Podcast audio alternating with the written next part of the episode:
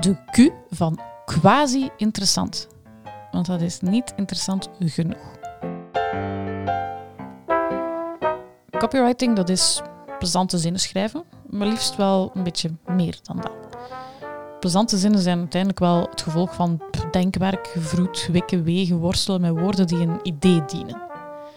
En die zinnen die daar het resultaat van zijn, die, die horen niet alleen te klinken, ze moeten vooral ook de inhoud eren. En ja, natuurlijk is franje plezant en hyperbolen en meer adjectieven en krullenwietjes. Maar verward die vooral alstublieft niet met goed geschrijf. Quasi interessant is echt eigenlijk niet interessant. En bladvulling maakt een tekst niet beter, het maakt het blad in feite alleen maar voller. Dus toe, heb respect voor woorden. Je hebt ze in bruikleen en ze moeten nog lang dienen. Ze maken moeilijke boodschappen gemakkelijker, memorabeler, betekenisvol. En slechte woorden, ja, hoe groot dat die ook zijn, die maken eigenlijk elke uiting waardeloos, doorschijnend, uitgerokken, gelijk zo'n uh, versleten legging in de yogales waar je zo lekker kunt doorkijken.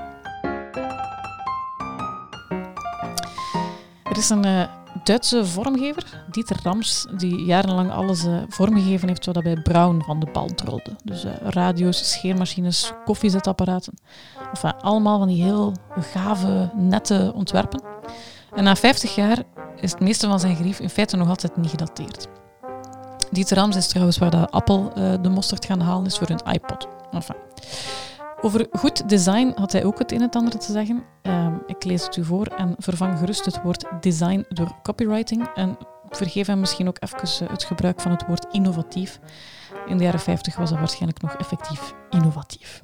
Enfin, Dieter Rams zegt: Good design is innovative, gives a product utility, is aesthetic, makes a product easy to understand, is unobtrusive, is honest, is long lived, is consistent down to the smallest detail, protects the environment.